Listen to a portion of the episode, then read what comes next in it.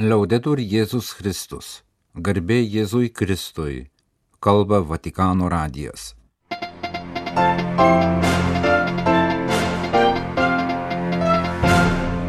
Malonus klausytojai šioje programoje popiežiaus vidudienio malda ateinančiame Jėzuje sutikti stokojančius. Pranciškus pasveikino taikos paviljono inauguracijos dalyvius jiems pasiūstame vaizdo įraše.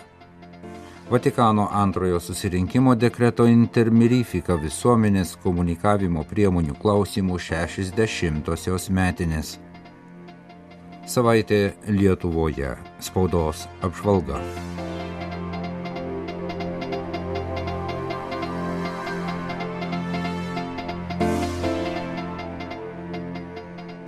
Cari fratelli e sorelle, buongiorno. Anche oggi io non potrò leggere tutto. Sto migliorando, ma ancora la voce non mi dà. Pirmąjį Advento sekmadienį, pradedantį naujosius liturginius metus, popiežius vidudienio maldai vadovavo ne prie apaštališkųjų rūmų lango, o kad išvengtų staigių temperatūros pokyčių šventosios Mortos namuose, kuriuose gyvena. Prieš katechezę, kurią perskaitė vienas Vatikano prelatas, Pranciškus visus pasveikino ir užtikrino, kad jaučiasi geriau, tačiau dar nesijaučia galys perskaityti visą tekstą. Maldos susitikimo dalyviai, susirinkę į Šventojo Petro aikštę, sekė vidudinio maldą su popiežiumi per Šventojo Petro aikštėje pastatytus ekranus. Popiežius Pranciškus vidudinio maldos progą paragino parengti širdis ateinančiam Jėzui per Kalėdas, kurias švesime po kelių savaičių, laikų pabaigoje, kai jis sugrįž šlovėje ir kiekvieną dieną, kai ateina mūsų pasitikti per Eucharistiją, per savo žodį, per brolius ir seseris, ypač per stukojančius. Pirmojo Advento sekmadienio Evangelijoje Jėzus tris kartus paragino būdėti. Būdėti reiškia parengti širdis laukimui, pažymėjo popiežius.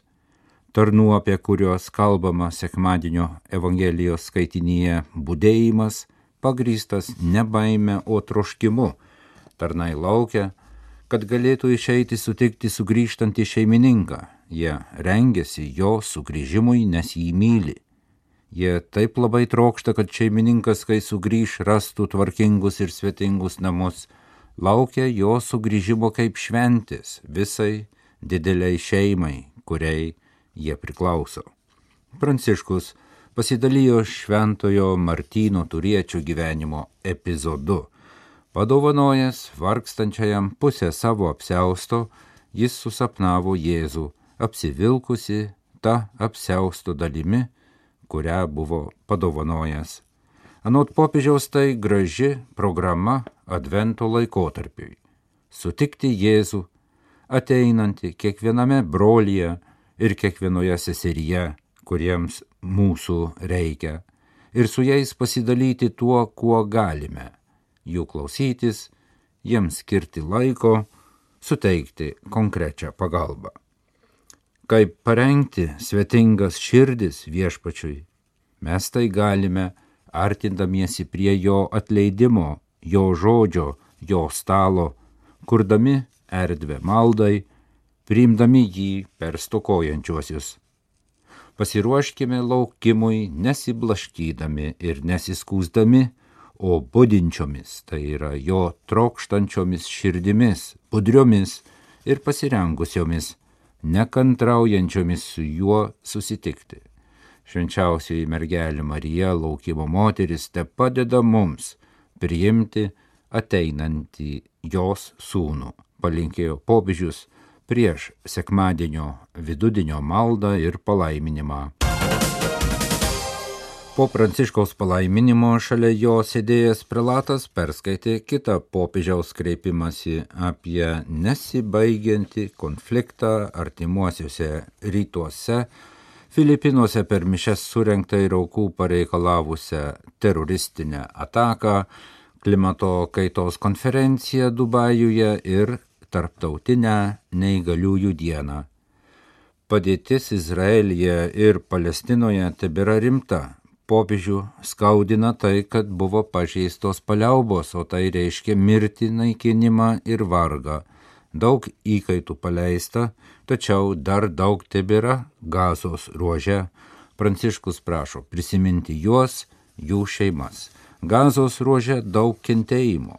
Trūksta gyvenimui būtiniausių daiktų, pažymėjo popiežius, kartu išreiškęs viltį, kad palestiniečiai ir izraeliečiai artimiausių metų vėl galės susitarti dėl ugnies nutraukimo, konfliktą spręs.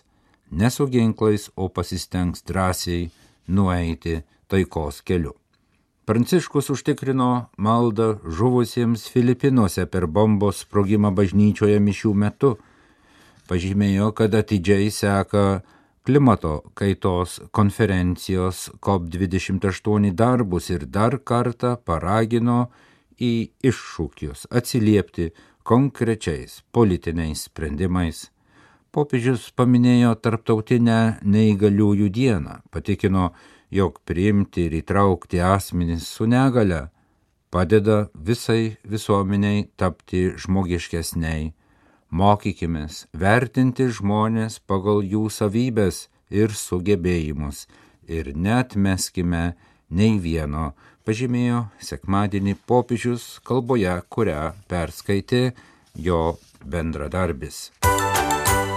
Kardinolas Pietro Paraulinas, Vatikano valstybės sekretorius, sekmadienį gruodžio 3 dieną Dubajuje popiežiaus vardu dalyvavo taikos paviljono inauguracijoje ir perskaitė popiežiaus šiai progai skirtą kalbą. Taip pat Pranciškus kreipėsi į paviljono inauguracijos dalyvius, jiems pasiūstame vaizdo įraše Pranciškus labai apgailestavo negalys būti kartu ir padėkojo už tikėjimo paviljono projekto įgyvendinimą. Tai pirmas toks religijai skirtas paviljonas klimato kaitos konferencijų istorijoje, patikino popiežius. Pranciškus dėkojo už pasiūlytą bendradarbiavimą. Šiandien pasauliui labai reikia alijansų, kurie būtų kuriami ne prieš ką nors, o dėl visų Anot popiežiaus svarbu, kad religijos, nepatekdamos į sinkretizmo spastus, duotų gražų bendro darbo pavyzdį, ne dėl savo šališkų interesų, o dėl mūsų pasaulio. Popiežius inauguracijos progai skirtoje kalboje, kurią perskaitė kardinolas Pietro Parulinas, meldė aukščiausiai, jog palaimintų inauguracijoje dalyvavusių religijų atstovų širdis kad galėtų kartu būti taikos kuriejai ir kūrinijos sergėtojai. Dekreto intermirifika 60-osios metinės. Konstitucijos Sacrosanctum Concilium prieimimas vainikavo pirmų dviejų Vatikano antrojo susirinkimo sesijų darbą. Be jau aptartos konstitucijos liturgijos klausimų, Vatikano antrasis susirinkimas tą pačią 1963 m. gruodžio 4 d. paskelbė dekretą Intermirifika - visuomenės komunikavimo priemonių klausimų. Internetas ir naujosios socialinės komunikavimo priemonės anuomet neegzistavo. Susirinkimas visuomenės komunikavimo priemonėmis įvardijo spaudą, kiną, radiją ir televiziją susirinkimo tėvai reiškia viltį, kad šios priemonės pasitarnaus ne vien Kristaus tikinčiųjų išganimui, bet ir visos žmonių bendruomenės pažangai. Motina bažnyčia žino, kad teisingas naudojimasis šiomis priemonėmis teikia žmonijai daug naudos, padėdamas dvasios poilsiui bei labinimui ir Dievo karalystės plėtimui bei stiprinimui. Ji taip pat žino, kad žmonės gali panaudoti jas prieš dieviškojo kurėjo planą ir pakreipti savo pačių žalai. Maža to, ji jaučia motinišką skausmą dėl nuostolių, kurių žmonių bendryjai taip pat dažnai yra atnešęs blogas jų panaudojimas, pažymėjo dekrete Vatikano antrasis susirinkimas. Tame pačiame dokumente susirinkimo tėvai paragino popiežių įsteigti apaštalų sosto instituciją komunikavimo priemonių klausimų. Priimdamas šį prašymą Paulius VI pertvarkė ir išplėtė jau egzistavusią komisiją, kurios eksperimentinę pradžią kinematografijos klausimais Pijus XII išplėtė radijui ir televizijai, o Jonas XXIII suteikė nuolatinės komisijos statusą. Pagal susirinkimo priimtas gairės 1964 m. balandžio 2 d. Paulius VI apaštališkojų laiškų infruktibus multis. Naujai komisijai pavedė rūpintis visais komunikavimo priemonių, įskaitant spaudą, klausimais susijusiais su katalikų tikėjimu. Be nesvarbiausias, popiežiaus komisijai pavestas uždavinys be susirinkimo dekreto intermirifika gairių vykdymo padėti vietinių bažnyčių vyskupams ordinarams šioje sferoje darbuodamiesi dėl tiesos, darbuojamės ir dėl žmonijos brolybės, pažymėjo Paulius VI, komisijos steigimo dokumente priminė savo tiesioginio pirmtako pastabą užsienio spaudos darbuotojų asociacijai. Vykstant susirinkimui, šalia oficialiosios Vatikano spaudos salės veikė atskira spaudos salė komunikacijai apie susirinkimo eigą. 1966 metais sujungus dvi spaudos informavimo struktūras, Šventojo sosto spaudos salė tapo pavaldi popiežiškajai komunikavimo priemonių komisijai, kuri 2015 metais po generalinės Vatikano komunikacijų tarnybų reformos kartu su Vatikano radiju ir televizijos centru, dienraščiu L'Osservatore Romano, Vatikano filmoteka, knygų leidykla ir kitomis žiniasklaidos institucijomis buvo įjungtos į naują popiežiaus įsteigtą komunikacijos dikasteriją.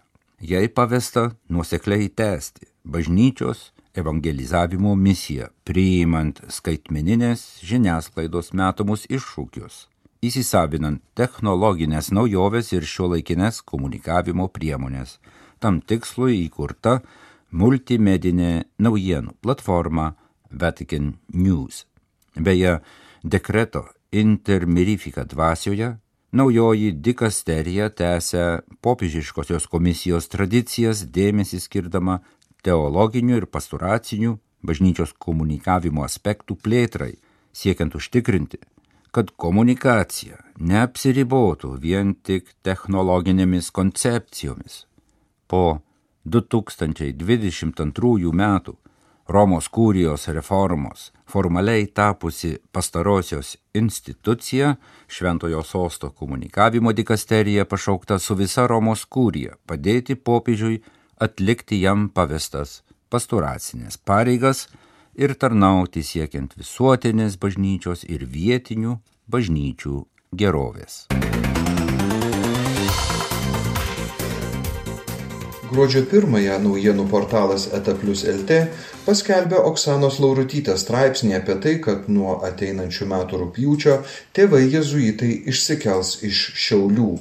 Sprendimo motyvus žurnalistai pristatė vienas iš Centrinės Europos jezuitų provincijolo patarėjų tėvas Aldonas Gudaitis.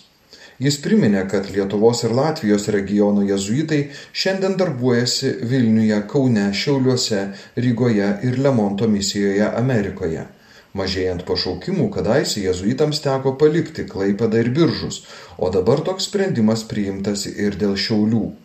Portale Etaplius skelbiamame straipsnėje rašoma, kad kol kas nenuspręsta, kas nuo 24 metų rūpjūčio aptarnaus Šiaulių Švento Ignaco Lojolos bažnyčią, tačiau pabrėžiama, kad Kauno ir Vilniaus jezuitai ir toliau globos Šiaulių jezuitų mokyklą. Tėvas Aldonas Gudaitis išsakė viltį, kad jei Dievas duos daugiau pašaukimų, kada nors jezuitai į Šiaulius sugrįž. Žurnalo kelionė redaktorė sesuo Faustina Elena Andrulytė, pristatydama praėjusios savaitės pradžioje dienos šviesą išvykusi ketvirtą šių metų numerį, rašo. Snieguotomis viršūnėmis pasipuošus kelionė klausė, kas pakviečia leistis į kelią, kas į rizikingus kalnų žygius išveda alpinistus, Žurnale kalbintas Saulis Damulevičius sako, kad tai aistra, kurios neįmanoma iki galo paaiškinti.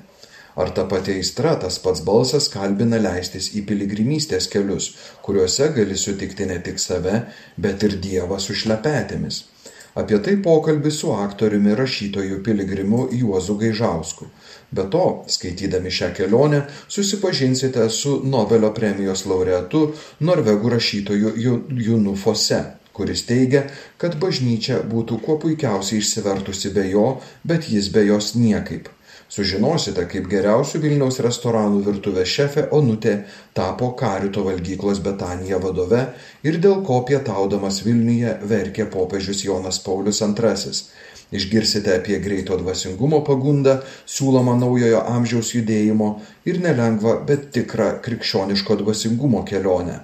Rasite disidento Petro Plumpos pasakojimą apie šventes, krepšinį ir dvasinės paieškas lageryje. Šie ir kiti straipsniai skaitytojų laukia ketvirtajame šių metų žurnalo kelionė numeryje. Praėjusią savaitę skaitytojus pasiekė ir gruodžio mėnesio artuma, kurioje siūloma prisiminti lygiai prieš 60 metų paskelbtą dekretą dėl visuomenės komunikavimo priemonių intermirifika, tapusi pamatiniu bažnyčios dokumentu visiems, kam rūpi žiniasklaida ir komunikacija. Savo mintimis apie katalikiškos žiniasklaidos misiją ir laikyseną dabartinių visuotinės ir vietinės bažnyčios įvykių akivaizdoje šiame artumos numeryje dalyjasi ir redkolegijos nariai. O pasisakyti šią temą kviečiami ir visi, kuriems katalikiška žiniasklaida rūpi. Žurnalo redaktorius Darius Chmieliauskas laiškė skaitytojams pristato ir kritas gruodžio artumos temas. Kaip šventoji dvasia prakalbino sinodo dalyvius kaip pradžiuginti širdį ir paguosti mintis tų, kurie paribiuose, už stovyklos ribų, kuriems bažnyčia nėra namai. Ir kaip likti dabartiniuose bažnyčios namuose su visomis jų silpnybėmis. Na ir žinoma, artėjančios šventės tokiais nešventiškais laikais. Gruodžio pirmą dieną dienraštis Bernardinai LT paskelbė Gedimino Zelvaro parengtą straipsnį Tikėti tai pasirinkti ant kokio pamato stovi tai pokalbis apie teologiją su Vytauto didžiojo universiteto katalikų teologijos fakulteto dekanu Diakonu Benu Ulevičiumi. Troškimas paaiškinti tikėjimą labai natūrali ir neišvengiama teologo užmojo dalis, bet slėpinio tamsa visada išlieka. Horizontas, kurio iš akių nepaleidžia teologas, yra nuolat bėgantis ir niekad nepavejamas, tačiau kartu jis nuolat matomas ši įtampa tarp matomo bet nepasiekiamo teologijos meno dalis. Tai nėra patogi situacija, nes dažnai iš teologų tikimasi aiškių atsakymų į klausimus apie Dievą ir jo tikrovę. Tačiau jei nepasiduodi pagundai įsprausti Dievą į ribotas žmogiškojo mąstymo sistemas, visada liks klausimų, į kuriuos atsakyti negalėsi. Žinosi, kad Dievas yra, tačiau yra ir dalykų, kurie lieka nesuvokiami, nesuprantami. Bet tokia yra tikrovė, dienraščiui Bernardinai LT teigė Benas Ulevičius. Gedrius Tamaševičius, Vatikanų radijui iš Vilniaus.